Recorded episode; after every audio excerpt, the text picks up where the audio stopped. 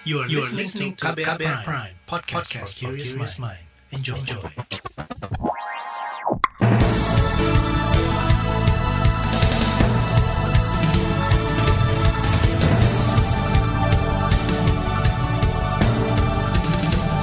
Halo, selamat pagi saudara. Senang sekali kami bisa menjumpai Anda kembali melalui program Buletin Pagi edisi Senin 26 April 2021 bersama saya Malika. Sejumlah informasi pilihan telah kami siapkan di antaranya KRI Nanggala ditemukan terbelah tiga, semua awak tewas. Polisi bantah lakukan kekerasan pada warga Wadas. Kepala BIN Papua ditemukan tewas di Beoga. Inilah Buletin Pagi selengkapnya. Terbaru di Buletin Pagi. Saudara Panglima TNI Hadi Cahyanto menyatakan seluruh awak kapal selam KRI Nanggala 402 yang tenggelam di perairan Bali pada 21 April lalu gugur saat bertugas. Hadi mengatakan dari hasil temuan tim kemarin, selain baju keselamatan, tim juga mendapat visual badan KRI yang tenggelam pada kedalaman 800 meter. Berdasarkan bukti-bukti otentik tersebut dapat dinyatakan bahwa KRI Nanggala 402 telah tenggelam dan seluruh awaknya telah gugur. Oleh karena itu, selaku Panglima TNI, saya nyatakan bahwa 53 personil yang on board KRI Nanggala 402 telah gugur. Panglima TNI Hadi Cahyanto mengatakan kendati sulit pihaknya akan terus mencari cara mengangkat badan pesawat dan menemukan korban. Selain itu, ia mengatakan atas jasanya para anggota yang gugur akan mendapat kenaikan pangkat dari negara. KRI Nanggala ditemukan di kedalaman 800 meter di bawah laut dalam keadaan terbelah tiga, yakni badan utama kapal selam, badan utama kapal, dan bagian belakang kapal. Hal itu dikatakan Kepala Staf TNI Angkatan Laut Yudo Margono. Satu tadi tempat tenggelamnya dari Nanggala berjarak kurang lebih 1.500 yard di selatan pada kedalaman 838 meter. Ini terdapat bagian-bagian dari KRI Nanggala yang bisa langsung ditayangkan. Jadi di sana KRI Nanggala terbelah menjadi tiga bagian yang tadi sudah disampaikan oleh Panglima TNI Kepala Staf TNI Angkatan Laut Yudo Margono mengatakan pihaknya akan segera melakukan koordinasi dengan Menko Polhukam dan Menteri Pertahanan terkait upaya evakuasi. Kata dia pengangkatan badan pesawat tidak mudah dan beresiko sehingga pertimbangan matang diperlukan sebelum bertindak. Presiden Joko Widodo memastikan proses evakuasi akan terus dilaksanakan. Ia meminta tim gabungan di lapangan terus mencari cara agar badan kapal bisa diangkat dan menemukan para korban. Hal itu sebagai upaya terakhir menghormati para awak kapal yang gugur. Segala upaya terbaik pencarian dan penyelamatan telah dan masih akan kita lakukan. Marilah semuanya kita memanjatkan doa dan harapan terbaik bagi 53 patriot terbaik menjaga kedaulatan negara dan bagi segenap anggota keluarga agar diberikan kesabaran, ketabahan, dan kekuatan. Presiden Jokowi menambahkan kabar tenggelamnya KRI Nanggala 402 sangat mengejutkan, tak hanya untuk keluarga besar Tentara Nasional Indonesia, seluruh masyarakat Indonesia berduka atas nasib yang menimpa 53 awak kapal terbaik itu. Tenggelamnya KRI Nanggala 402 menarik banyak perhatian dan menimbulkan spekulasi terkait keadaan kapal selam saat digunakan. Menurut pengamat militer Koni Rahakundini Bakri, keandalan kapal selam KRI Nanggala 402 tidak diragukan, namun tetap membutuhkan perawatan yang tepat. Jadi gini, mau hebat kayak apa pun penerbang tempur, kapten kapal perang, kapten submarine, ya kan? Jika MRO-nya kemudian uh, petugas MRO-nya atau uh, kru MRO-nya tidak mumpuni, ya nggak akan bisa. Sekali lagi kenapa? Karena mereka ini yang punya keputusan-keputusan uh, waktu uh, waktu uh, alat ini mesti dirawat atau di repair tadi. Koni mengatakan pemerintah harus lebih memperhatikan perawatan dan modernisasi peralatan tempur atau alutsista yang dimiliki saat ini.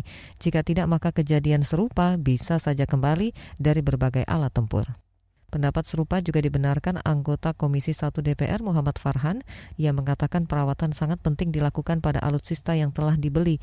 Bahkan ia mengatakan kerusakan atau kualitas dari alat perang tidak hanya tergantung pada kondisi baru atau tidak saat dibeli, namun lebih pada perawatan khusus yang harus dilakukan. Saudara polisi bantah lakukan kekerasan pada pengunjuk rasa di Purworejo. Informasinya hadir usai jeda, tetaplah di Buletin Pagi KBR. You're listening to KBR Pride, podcast for curious mind. Enjoy!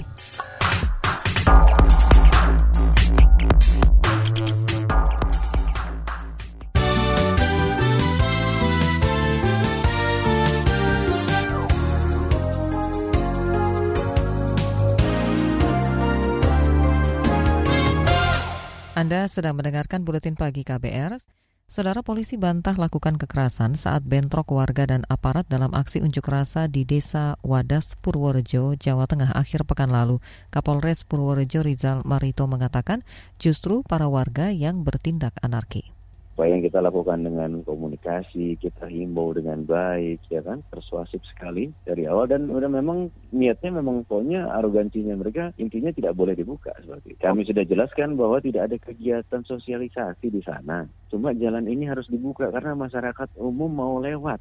Jadi anarkisme yang dilakukan uh, yang terjadi di sana itu polisi sama sekali tidak melakukan itu. Kapolres Purworejo Rizal Marito menambahkan kepolisian hanya melaksanakan upaya menjaga ketertiban umum lantaran akses jalan kabupaten ditutup oleh sekelompok orang yang mengaku warga dari Wadas. Rizal mengatakan sebagian besar pemblokade yang bersikap arogan bukanlah warga Wadas. Lembaga Bantuan Hukum LBH Yogyakarta mencatat setidaknya 11 warga ditangkap dan 9 orang lainnya luka-luka dalam aksi unjuk rasa menolak proyek bendungan bener di Desa Wadas Purworejo, Jawa Tengah, Jumat pekan lalu. Pembangunan bendungan bener merupakan salah satu proyek strategis nasional di bawah pemerintahan Presiden Joko Widodo. Yayasan Lembaga Bantuan Hukum Indonesia YLBHI mendesak Polri menyidik anggota yang melakukan tindak kekerasan terhadap masyarakat penolak proyek bendungan bener di Desa Wadas, Purworejo. Direktur YLBHI Aswinawati menilai Kapolri Listio Sigit Prabowo mesti menertibkan anggotanya yang bertindak represif. Jadi tidak perlu menunggu laporan dari korban, kepolisian harus segera menjalankan ini. Dan kalau tidak dijalankan, maka itu adalah bukti yang lain lagi bahwa ada jalur komando, ada pembiaran oleh atasan yang melakukan dan artinya kepolisian secara institusi akan juga terlibat menjadi pelaku. Direktur YLBHI Aswinawati menambahkan harus ada proses hukum disiplin dan pidana yang diberikan kepada para pelaku agar masalah serupa tidak terus terjadi. Ia juga mendesak Presiden Joko Widodo ikut bertanggung jawab atas peristiwa kekerasan yang dilakukan polisi terhadap warga Wadas. Kita ke soal lain, Ketua Komisi Pemberantasan Korupsi KPK Firly Bahuri akan segera memanggil Wakil Ketua DPR Aziz Syamsuddin terkait kasus suap Wali Kota Tanjung Balai M. Syahrial dan penyidik KPK Stepanus Robin Patuju. Jadi nanti kita akan terus melakukan upaya-upaya untuk mengungkap seterang-terangnya perkara dan apa yang dilakukan oleh saudara-saudara Aceh sebagai wakil ketua DPR RI. Nanti setelah itu tentu kita akan lihat perbuatannya apa, keterangan saksinya bagaimana, bukti lain apa, petunjuknya apa, dokumennya apa. Karena unsur pembinaan harus dipenuhi. Ketua KPK Firly Bahuri memastikan pihaknya tidak akan mengulur waktu untuk melakukan pemeriksaan kepada para saksi. Rencananya KPK akan memanggil Aziz Syamsuddin hari ini. Kita ke informasi ekonomi, Menteri Koordinator Bidang Perekonomian Erlangga Hartarto menyebut perekonomian Indonesia akan meningkat 4,5 hingga 5 persen di tahun 2021. Hal itu terlihat dari meningkatnya indeks keyakinan konsumen dan meningkatnya penjualan kendaraan bermotor sebesar 28,2 persen. Terlihat dari Big Data Bank telah terjadi kenaikan yang cukup besar, terjadi lonjakan di bulan April 32,48 persen. Nah ini tentunya sejalan dengan indeks keyakinan konsumen dan sejalan juga dengan pergerakan di sektor industrinya di halaman berikut, di mana dana yang masuk ke industri juga sudah meningkat. Menteri Koordinator Bidang Perekonomian Erlangga juga mengatakan adanya perbaikan ekonomi didorong dari banyaknya bantuan yang digelontorkan pemerintah dalam pemulihan ekonomi saat pandemi, seperti program kesehatan, perlindungan sosial, program padat karya, dukungan UMKM dan korporasi hingga insentif usaha. Kita ke mancanegara, Presiden Joko Widodo menggelar pertemuan bilateral dengan Perdana Menteri Kamboja Hun Sen setelah sebelumnya kedua kepala negara ini menghadiri KTT ASEAN pada Sabtu lalu. Menurut Menteri Luar Negeri Retno Marsudi, pertemuan itu dilakukan untuk membahas penyelesaian pandemi COVID-19. Pertama, mengenai kerjasama kesehatan. Bapak Presiden menegaskan pentingnya dukungan vaksin multilateral demi kesetaraan akses terhadap vaksin bagi semua negara. Presiden juga mengajak Kamboja untuk memperkuat kerjasama di bidang farmasi, obat-obatan, dan peralatan kesehatan. Itu tadi Menteri Luar Negeri Retno Marsudi. Selain membahas kesetaraan vaksin, Presiden Joko Widodo juga meminta dukungan Kamboja dalam perluasan investasi, khususnya di bidang farmasi dan alat-alat kesehatan, seperti yang telah dilakukan dalam peluncuran Joint Venture Dynamic Argon 2019 lalu. Kita ke dunia olahraga, Saudara Persija Jakarta menjuarai final Piala Menpora 2021 setelah mengalahkan Persib Bandung dengan skor 2-1 di Stadion Manahan Solo semalam. Dilansir dari Antara, pada 15 menit awal pertandingan berjalan seru dengan kedua tim saling menyerang. Namun sayang pada menit ke-21 Persib harus kehilangan satu pemainnya, Bayu Fikri, lantaran mendapat kartu merah setelah melakukan pelanggaran keras terhadap pemain Persija. Mendapat tekanan dan kehilangan satu pemain membuat Persib lebih memilih bertahan dibanding menyerang. Sempat menyamai kedudukan 1-1, Persija kembali mengungguli lawannya di babak tambahan kedua. Skor akhir Persija versus Persib yakni 2-1 atau agregat 4-1 karena pertandingan sebelumnya Persija juga mengalahkan Persib dengan skor 2-0. Laporan khas KBR bertajuk Isu HAM di balik mega proyek Mandalika akan kami hadirkan sesaat lagi tetaplah di Buletin Pagi KBR. You're listening to KBR Pride, podcast for curious mind. Enjoy!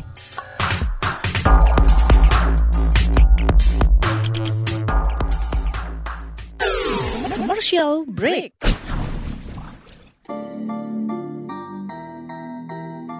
Come on yo, buat yang sukanya berhoax, you better listen to this one. Check this one out yo. Hati-hati kalau baca kabar Hoax, Jangan langsung disebar kabar yang hoax, Kalau mau tahu kabar benar atau hoax, Dengerin cek fakta yang pasti bukan hoax, Dengerinnya setiap Senin yang jelas bukan hoax. Cuma ada di kbrprime.id.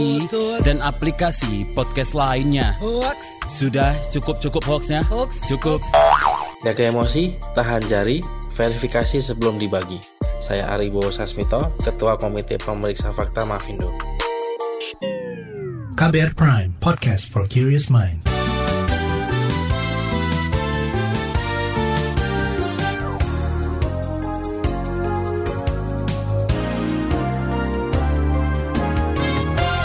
Anda masih bersama kami di Buletin Pagi KBR.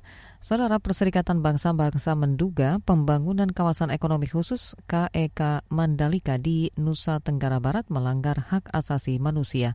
Pemerintah diduga melakukan perampasan lahan, penggusuran paksa, dan intimidasi guna memuluskan proyek strategis nasional senilai 40 triliun rupiah lebih ini.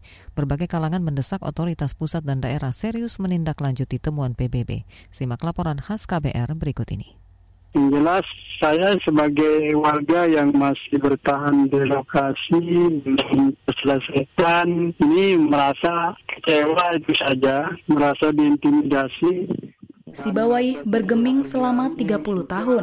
Ia berkukuh tak ingin menyerahkan rumah dan lahannya untuk kepentingan mega proyek pariwisata Mandalika di Nusa Tenggara Barat. Pasalnya, urusan jual beli lahan dengan BUMN Indonesia Tourism Development Corporation ITDC hingga kini belum tuntas. Untuk masuknya ITDC ini sebenarnya dia tidak memenuhi syarat apa yang ditawarkan sebagai warga kita. Awalnya Sibawai punya 6 hektar lahan, namun ia kena tipu. Separuh lahan dijual ke ITDC tanpa persetujuannya. Atas dasar ini, pengembang mengklaim kepemilikan lahan tersebut. Bahwa kita itu pada awalnya adalah dengan sahabatnya itu dia mau dibuatkan surat sertifikat lah. Ah, tetapi dalam hal itu tidak memenuhi perjanjian, maka dengan lama-kelamaan mereka jual dengan cara mengatasnamakan sendiri. Perampasan lahan juga dialami tetangga Sibawai sesama warga Kuta, Lombok Tengah. Mereka lantas melayangkan protes ke Pemprov NTB. Namun, bukan solusi yang didapat, tetapi intimidasi aparat. Kita sudah lakukan itu dari setiap pergantian jabat dari Pemprov itu sendiri. Nggak ada respon sama sekali. Saya sebenarnya tidak mau bersentuhan dengan aparat. Dan semua saudara-saudara yang akan menghadang di sini tidak boleh masuk.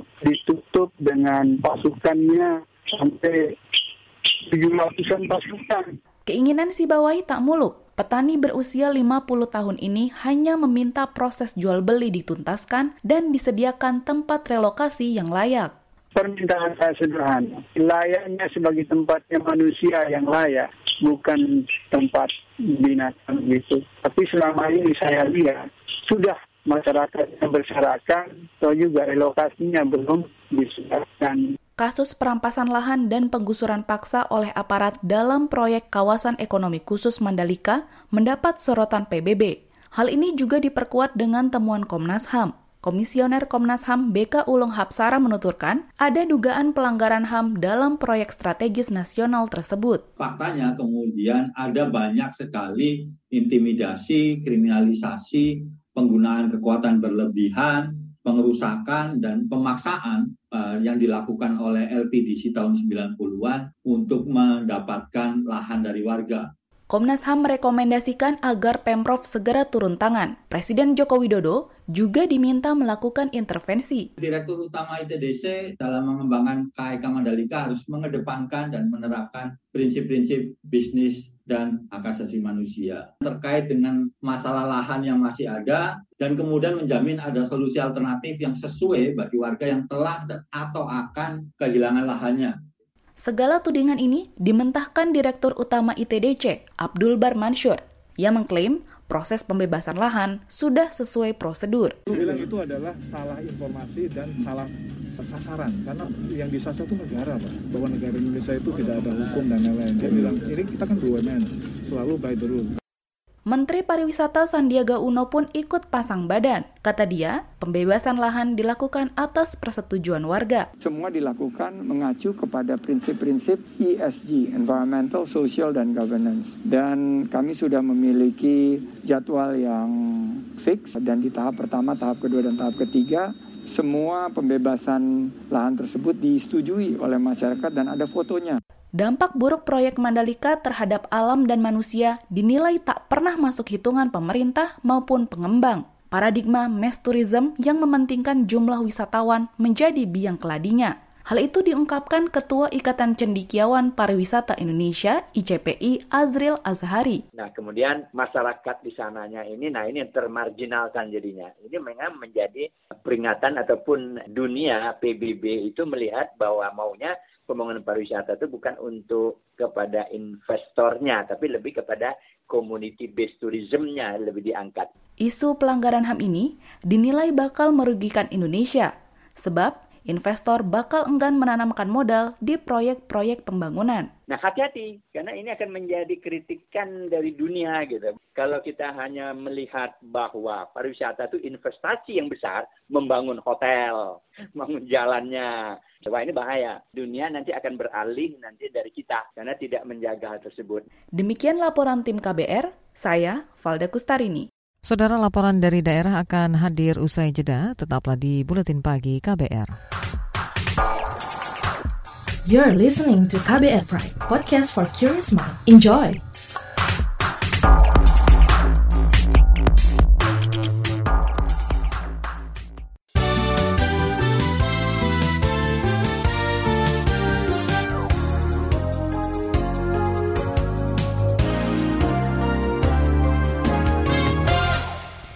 Saudara kita sampai di bagian akhir buletin pagi KBR. Satuan Tugas Penanganan COVID-19 kembali mencatat adanya peningkatan kasus COVID-19 di Indonesia, baik dari jumlah kasus positif, sembuh, dan meninggal.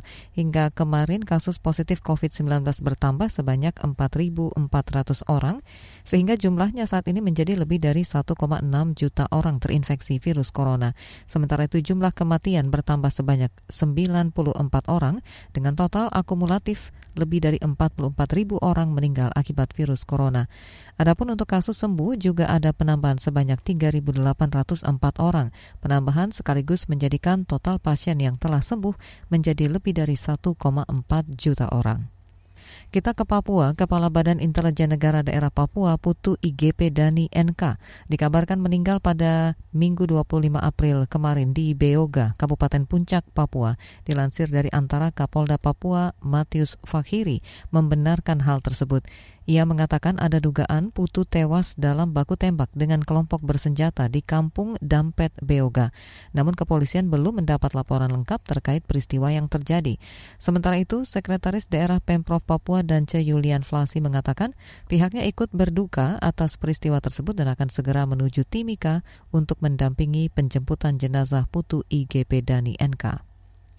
PT Angkutan Sungai Danau dan Penyeberangan ASDP Ketapang Banyuwangi Jawa Timur menghentikan penjualan tiket sistem online online Ferizi mulai 6 hingga 17 Mei 2021.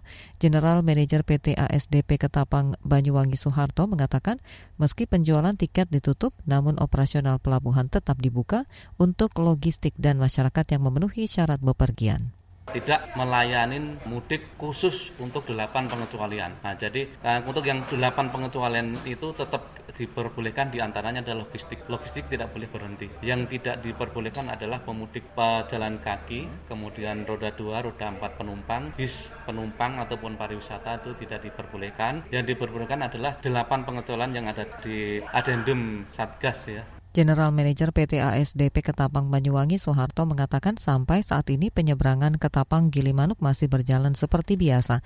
Masyarakat yang hendak menyeberang di dua pelabuhan masih diperbolehkan dengan menunjukkan surat tes COVID-19. Kita ke Aceh, puluhan bangunan di Kabupaten Aceh Timur rusak setelah diterjang angin puting beliung kemarin. Juru bicara Pusat Pengendalian Operasi Badan Penanggulangan Bencana Daerah BPBD Aceh Timur, Hendro, mengatakan saat ini pihaknya tengah melakukan pendataan bangunan yang rusak baru kita lakukan dua Pak untuk pembersihan sama pendataan saja. Ada yang rusak berat, rusak sedang. Yang rusak beratnya tidak hancur 100%. Terus yang terbang itu terus bubung atas itu patah kayunya itu aja. Kepala BPBD Aceh Timur Hendro mengatakan saat ini pihaknya beserta TNI Polri tengah melakukan pembersihan puing bangunan yang terhempas angin di jalan. Belum ada laporan terkait korban jiwa dari peristiwa yang melanda lima desa di Kabupaten Purelak Aceh Timur. Informasi tadi menutup jumpa kita di Buletin Pagi hari ini. Pantau juga informasi terbaru melalui kabar baru situs kbr.id, Twitter kami di akun @beritaKBR serta podcast di alamat kbrprime.id. Akhirnya saya Malika bersama tim yang bertugas undur diri. Salam.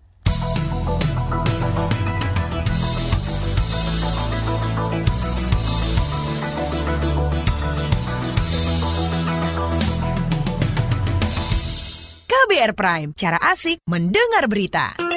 KBR Prime, podcast for curious mind.